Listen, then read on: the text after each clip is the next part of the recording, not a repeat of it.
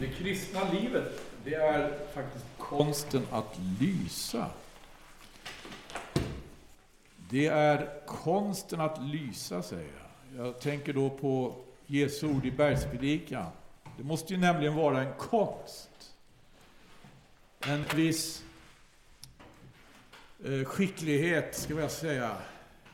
Att på en och samma gång undvika att lysa och att lysa. Därför Jesus talar nämligen både om det ena och om det andra. Om vi börjar med att lysa då, så heter det så här, det här är bergspredikan, det är Matteus evangeliets femte kapitel. Där säger han, han talar till sina lärjungar, bland annat så. Heter från, jag läser från fjortonde versen, kapitel 5 i Matteus evangelium. Ni är världens ljus. Icke kan en stad döljas som ligger uppe på ett berg. Ej heller tänder man ett ljus och sätter det under skeppan. Utan man sätter det på ljusstaken så att det lyser för alla dem som är i huset. På samma sätt, säger Mästaren, må och ert ljus lysa inför människorna så att de ser era goda gärningar och prisa er fader som är i himlen. Det är ganska klart. Det här är att vara lärjunge, det är att vara en efterföljare. Det här är vad Jesus säger till sina efterföljare. Ni är världens ljus. Men hör här, lite senare i bergspredikan säger han så här. Och då går vi till sjätte kapitlet. Tag er tillvara för att öva er rättfärdighet inför människorna för att bli sedda av dem. Annars har ni ingen lön hos er fader som är i himmelen. I kapitel 5 säger han, varsågod, lys. Ni är världens ljus. Lys så att människorna får se. I kapitel 6 säger han, varsågoda, lys inte med rättfärdighet. För att människorna ska se. Du måste hålla med om att det här måste ju handla om en, en avvägning som är verkligen mycket allvarlig att vi hittar. Hur ska vi kunna göra det här då? Jag har varit inne, jag har talat över romabrevet här en tid och jag skulle egentligen fortsätta med det tänkte jag. Jag har några kapitel kvar. Men eh, jag tänkte göra nu en lite sidoblick och inte uppehålla mig i romabrevet så mycket. Jag skulle egentligen göra, egentligen skulle det vara kanske bra om vi tittar riktigt på Romarbrevet 12 och 13. 12 och 13. 12 det handlar om församlingen som är en, ett Guds under. En kropp som Gud har skapat. Kapitel 13 det handlar om samhället. Samhället som vi, som vi också, där vi också måste på något vis kunna identifiera eh, att, att den gudomliga försynen genom överheten. Överheten bär icke svärdet förgäves. Det här är eh, allvarliga frågor. Men jag, jag, tror vi gör lite sidoblickar vid det här tillfället. Jag har ju redan börjat med det. Men tänkte framförallt eh, att titta i jämförelse med romabrevet. Hur, hur aposteln Paulus presenterar sitt ärende i första Korintierbrevet. Det tycker jag är en väldigt intressant jämförelse. Det handlar om evangelium evangelium. Det handlar om det som gör människor till ljus. Ni är världens ljus. Men människor som, som eh, förstår att lysa på ett sådant sätt att människorna ser deras goda gärningar och prisar Fadern i himmelen. Samtidigt människor som inte övar sin rättfärdighet, eller får jag säga lyser med sin rättfärdighet för att människorna ska... Då missar man någonting. Då har man liksom eh, inte rätt mål i sikte. Det som är, vad är rätt mål för oss, för, vårt, för våra liv, för vårt handlande? Det måste vi uppleva en förvandling för att få tag i. Det är den här, det här förvandlingen evangelium eh, innebär. Om vi går till första Korintierbrevet och ser på några verser där. Då tycker jag mig kunna göra en jämförelse mellan första Korintierbrevet och Romarbrevet. Som jag tyckte var väldigt intressant att se här.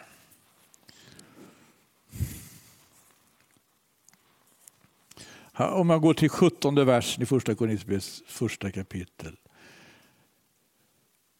Kristus har icke sänt mig till att döpa utan till att förkunna evangelium. Och detta icke med en visdom som består i ord. För att Kristi kors icke ska berövas sin kraft. Ty talet om korset är visserligen en dårskap för dem som går förlorade. Men för oss som blir frälsta är det en Guds kraft. Det är ju skrivet, jag ska göra det visas vishet om intet. Och det förståndigas förstånd ska jag slå ned. Ja, var är det visa? Var är det skriftlärda? Var är denna tidsålders klyftiga män? Har icke Gud gjort denna världens visdom till dårskap? Jo, eftersom världen icke genom sin visdom lärde känna Gud i hans visdom behagade det Gud att genom den dårskap han lät predikas frälsa dem som tror. Till judarna begära tecken och grekerna åstunda visdom. Jag tänker på direkt när jag läser den här versen, eftersom vi tittar på Roma. Vad är det romarna söker? Vad är det romarna vill ha? Här heter det i alla fall judarna begär tecken och grekerna åstunda visdom. Vi åter predika en korsfäst Kristus.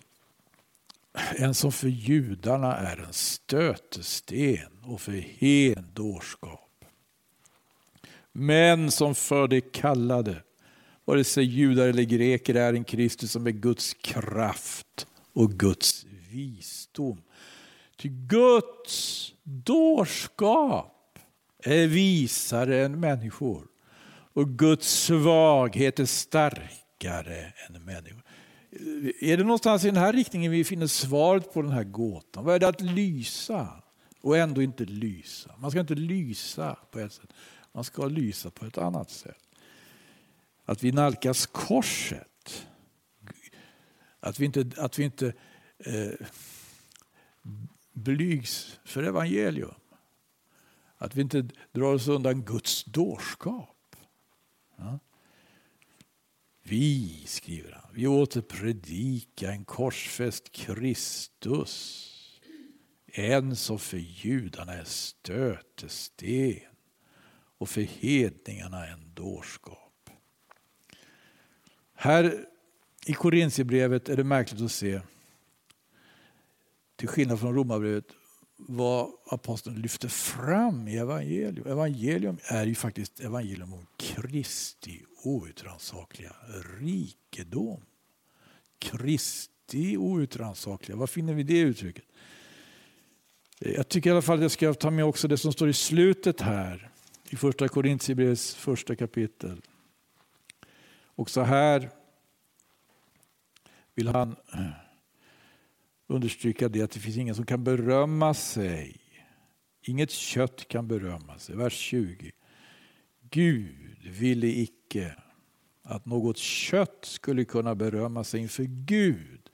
Men hans verk är det att ni är i Kristus Jesus som för oss har blivit till visdom från Gud, till rättfärdighet och helgelse och till förlossning. Det här är vad, vad, vad budskapet om Jesus. Och, och, det här är Kristus själv. Och han lyfter fram särskilt här i Korinthierbrevet lyfter han fram visheten. Medan han i Romarbrevet lyfter fram särskilt rättfärdighet. Rättfärdigheten och visar att det finns ingen rättfärdig. Människan måste rättfärdiggöras. Men det här med rättfärdigheten som Romarbrevet särskilt betonar. Vi har sett på det här hur, hur Gud går som sällsam väg för att nå världen. Den, en förlorad värld. Gud går en sån sällsam väg för att nå en förlorad värld. Med sin kärlek, med sin sanning. Och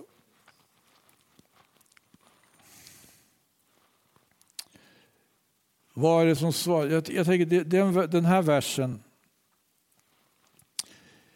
Vi åter predikar en korsfäst Kristus, den som för judarna är en stötesten och för hedningarna en dårskap. Men som för de kallade, vare sig judar eller greker, är en Kristus som är Guds kraft och Guds visdom. I Romarbrevets första kapitel heter det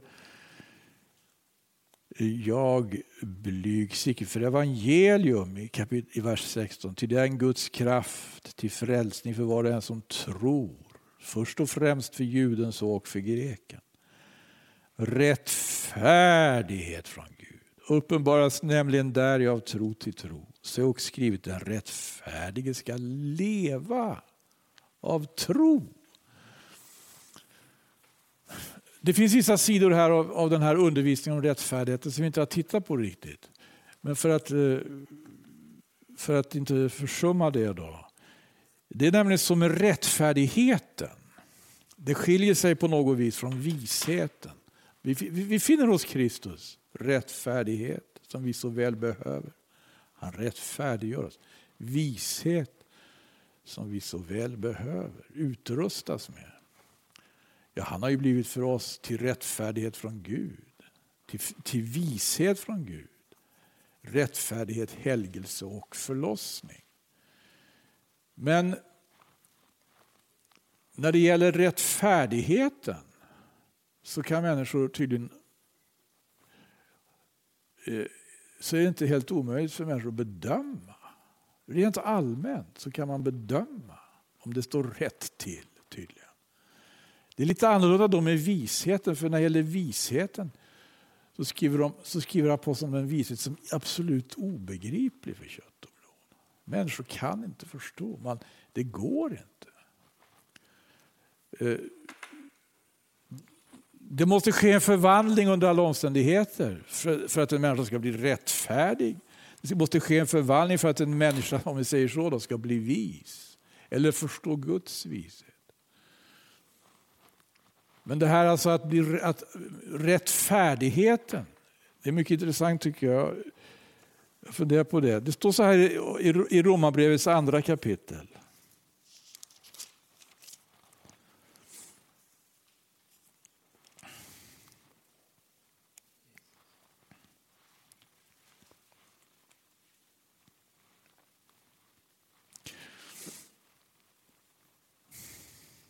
I i vers 14.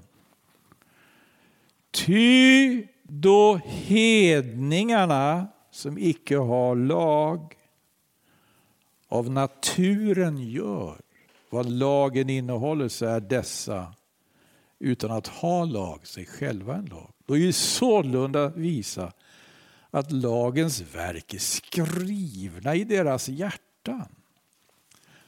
Därom utgör också deras egna samveten ett vittnesbörd, i den inbördes umgängelsen deras tankar när dessa anklagade och försvarade. Tänk att han går så långt att skriva lagens verk är skrivna i deras hjärtan. Hedningar som aldrig har hört vare sig Mose lag eller evangelium ska alltså ha förmågan att fatta och skilja mellan, mellan väldigt, gå väldigt långt. Det här, det här tycker jag är väldigt märkligt. Eh, och jag fundera på just med tanke på Men jag förstår saken som så att det handlar inte om att i och för sig att man, att man är rättfärdig. Därför att man kan döma om vad rätt är. Förhoppningsvis leder den människa i den riktningen. Men rättfärdigheten, den måste alltså, människan måste korrigeras i förhållande till Guds lag. Inte bara eh, i och för sig eh, kunna uppfatta vad som är rätt och inte vad, vad som är orätt. Man, det måste ske alltså att man, man blir eh,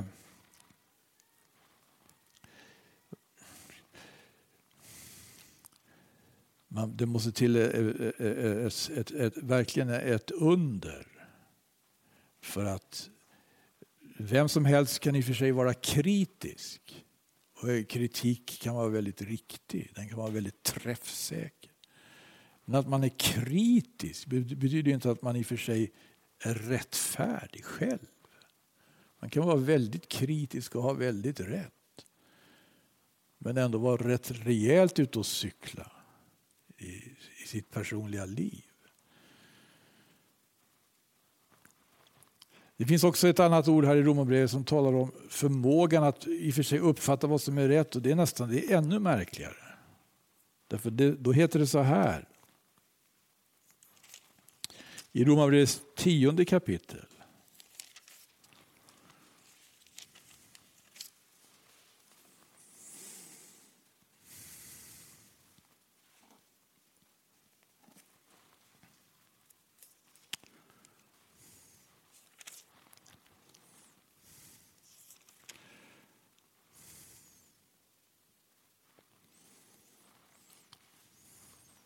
I, i vers 4. Ty lagen har fått sin ände i Kristus till rättfärdighet för var och en som tror. Mose skriver ju om den rättfärdighet som kommer av lagen. Att den människa som övar sådan rättfärdighet ska leva genom den. Den människa, det står mycket riktigt i Mose lag, den som övar eh, Hesekiel, ja. Kan vi titta, där kommer det Hesekiels 30 kapitel.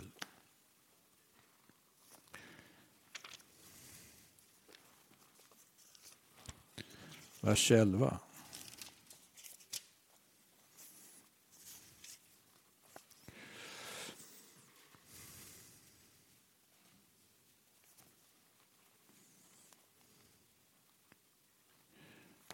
Nej, 20 kapitel ska.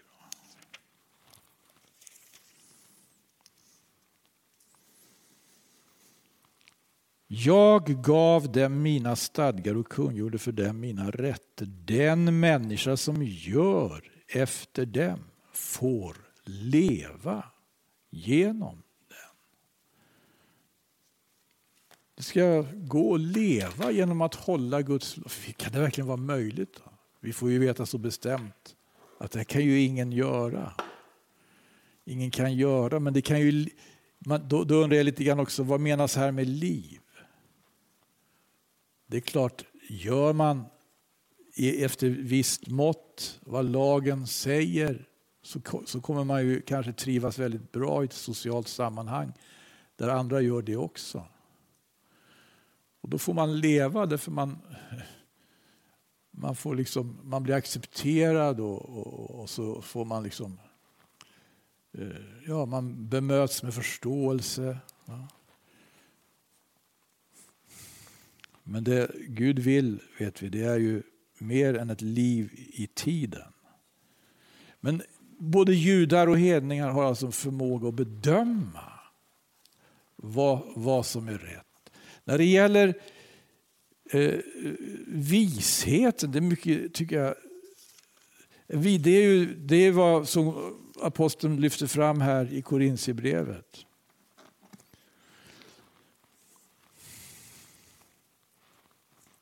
Så gör han klart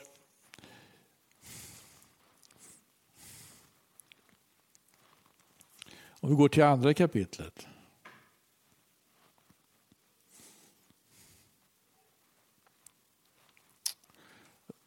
Kan läsa från början där. När jag kom till er, mina bröder, var det också icke med höga ord eller hög visdom som jag kom och frambar för er Guds vittnesbörd. Ty jag hade beslutit mig för att medan jag var bland er icke veta om något annat än Jesus Kristus och honom såsom korsfäst. Och jag uppträdde hos er i svaghet och med fruktan och mycken bävan. Och mitt tal och min predikan framställdes icke med övertalande visdomsord utan med en bevisning i ande och kraft. Ty er tro skulle icke vara grundad på människors visdom utan på Guds kraft. Visdom talar vi dock bland de som är fullmogna. Men en visdom som icke tillhör denna tidsålder eller denna tidsålders mäktige, vilkas makt blir till intet. När vi talar Guds hemliga visdom, den fördolda, om vilken Gud redan före tidsåldrarnas begynnelse har bestämt att den ska bli oss till härlighet och som ingen av denna tidsålders mäktiga har känt Ty om de hade känt den så hade de icke korsfäst härlighetens Herre. Här handlar det alltså om någonting som, vi, som Kristus representerar. Som, eh, som denna världens vise inte har en aning om. Som denna världens mäktig, som absolut inte är tillgängligt. Det, det här är någonting som också märkligt nog gläder Herren. Jesus själv utbrister, om vi går till Matteus evangeliets elfte kapitel. Då står han, han prisar Gud.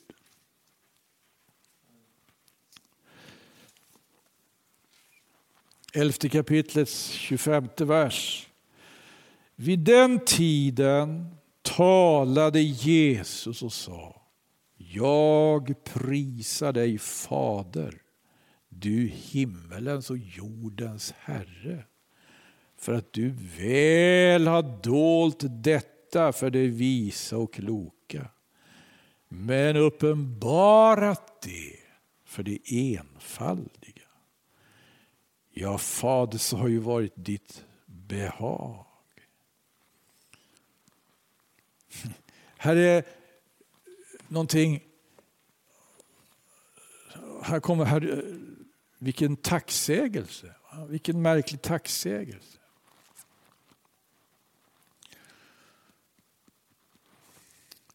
Det finns ju det här, alltså, det finns andliga lagar som kan se, se väldigt låta, se väldigt motsägelsefulla ut. Väldigt motsägelsefulla. Jesus säger själv så här, säger vid ett tillfälle, eller vid flera tillfällen tror jag. Den som har, åt honom ska bli givet. Men den som icke har, från honom ska tagas också det. Han menar sig ha. När säger han det? Det är, när han, det är liknelsen om det anförtrodda punden, eller hur? Det kan vi också, den finner vi också, den liknelsen. I Matteus evangeliets 25 kapitel.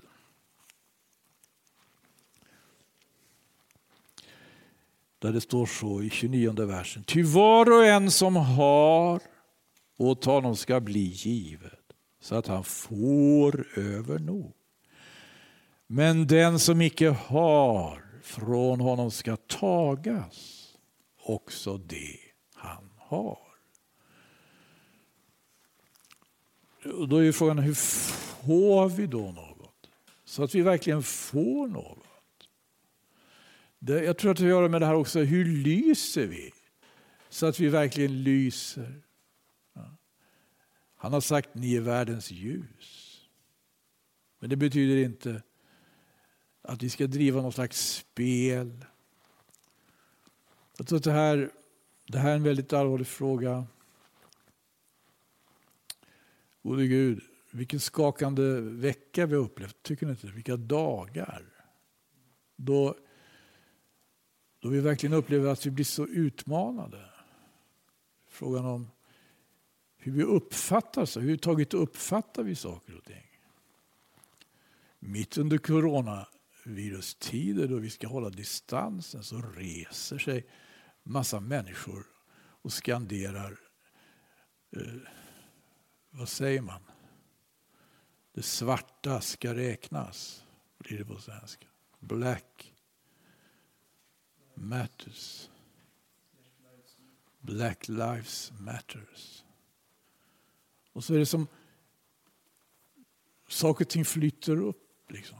Jag tycker mitt i allt det här ställer sig president Trump med Bibeln i hand. Först avgränsar han ett område framför kyrkan där intill i Vita huset med hjälp av eh, ordningsmakten, tårgas, gummikul. Så ställer han sig med Bibeln i hand vet inte om det som aft, norska Aftonposten säger, det här ska i sådana fall vara det mest, kanske det mest definierande ögonblicket under hans ämbetstid. Ja, det är verkligen inte få som sysselsätter sig med. Jag har läst flera kommentarer, några av de allvarligaste kommentarerna färgad baptistpastor från eh, någonstans Eh, som trädde fram och, talade under George Floyds begravning. Det börjar ju allt det här med att en polisman tog livet av en färgad man, George Floyd. Även andra har kommenterat det här. Jag ska inte uppehålla så länge vid det nu. Men nu gäller det att pröva andarna. Nu gäller det alltså att kunna eh, förstå vad som sker i det som synes ske. Och det här vet vi, det är en väldig utmaning för oss inför eh, händelserna i den yttersta tiden när det gäller exempelvis liknelserna om, om de tio jungfrurna.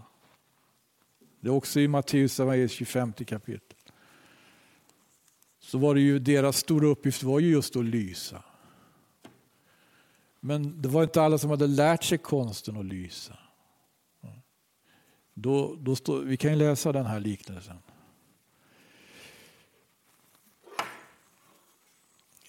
I Matteus evangelium kapitel 25 från början. Då ska det vara med himmelriket så som när tio jungfrur tog sina lampor och gick ut för att möta brudgummen. Men fem av dem var oförståndiga och fem var förståndiga. De oförståndiga tog väl sina lampor men tog ingen olja med sig. De förståndiga åter tog olja i sina kärl till lika med lamporna. Då nu brudgummen dröjde blev de alla sömniga och somnade. Men vid midnattstiden göd ett anskri. Se brudgummen kommer, gå ut och möt honom. Då stod alla jungfrurna upp och redde till sina lampor. Och de oförståndiga sa till de förståndiga Giv oss av er olja, ty våra lampor slockna. Men det förståndiga svarade och sade, nej, den skulle ingalunda räcka till för både oss och er. Gå hellre bort till dem som sälja och köp åt er. Men när de gick bort för att köpa kom brudgummen och det som var redo gick in med honom till bröllopet och dörren stängdes igen. Omsider kom också de andra jungfrun och sa, Herre, Herre, låt upp för oss. Men han svarade och sa, Sannerligen säger jag er, jag känner er icke. Vaka för den skull, ty ni vet icke dagen, ej heller stunden.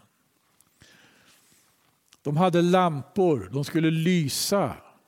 De skulle på det sättet rama in den här högtiden. Och ge. Men fem hade ingenting kvar. Så de kunde inte deras lampor hade slocknat och då kan man ju fundera på lite grann, vad berodde det på det då? Kanske det kunde varit så att man hade man hade förbrukat det här genom att lysa vid fler, fel tillfällen. Man hade förbrukat oljan genom att lysa så att säga för att lysa inför människor. För att lysa. Det är en annan sak än att lysa därför man har ett uppdrag. Därför att Herren har sagt ni är världens ljus. Det är ett uppdrag. Men att lysa för att lysa, det är fåfänga. Visst är det det? Det är ett spel, ett, ett, ett, ett typiskt mänskligt spel. Fåfängt.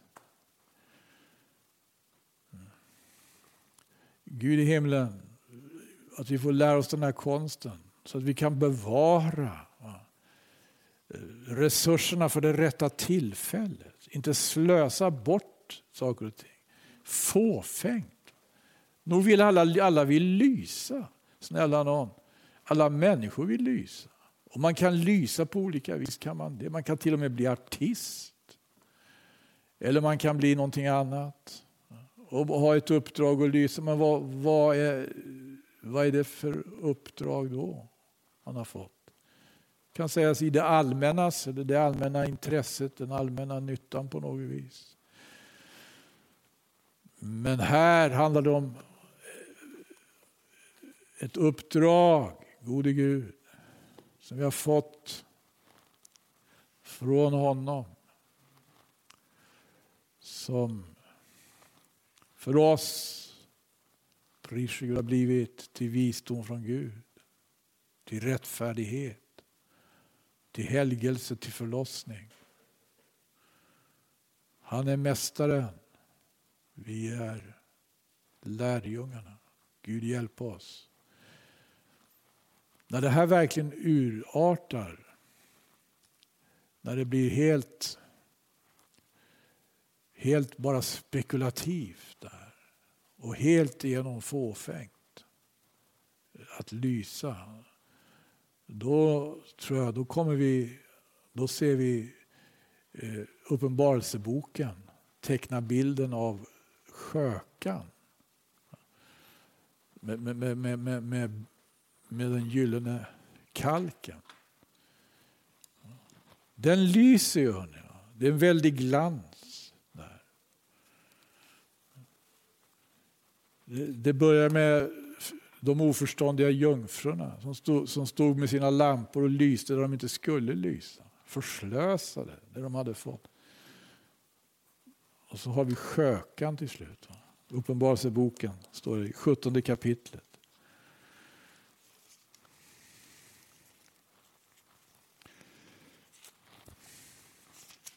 Gode Gud, hjälp oss.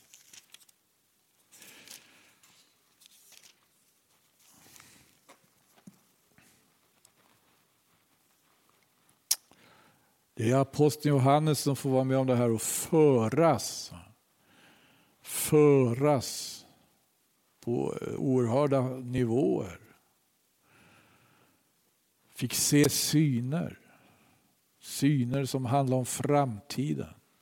Det står i Uppenbarelsebokens 17 kapitel så från början. En av de sju änglarna med de sju skålarna kom och talade till mig och sa kom hit så ska jag visa dig hur den stora skökan får sin dom, hon som tronar vid stora vatten. Men som jorden, hon som jordens konungar har bedrivit otukt med och av vilkens otukts vin jordens inbyggare har druckit sig druckna sedan förde han med anden bort till en öken. Där såg jag en kvinna som satt på ett schalakans rött vilddjur fulltecknat med hediska namn. Tror ni de namnen var hediska i människoögon? Och det hade sju huvuden och tio horn. Och kvinnan var klädd i purpur och scharlakan och glänste av guld och ädla stenar. Och i sin hand hade hon en gyllene kalk full av styggelser av hennes otukts orenlighet. Men den var gyllene. Den var gyll, guldet, guldet det glänser.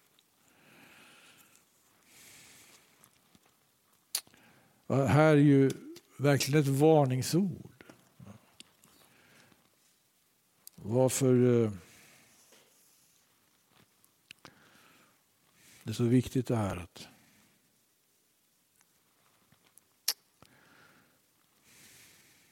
Inte dra sig undan faktiskt. Inte dra sig undan Herren Jesus Kristus, inte dra sig undan korset.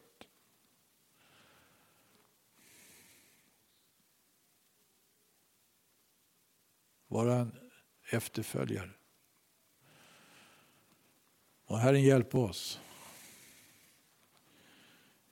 Ska vi tacka honom? Tala med Herren.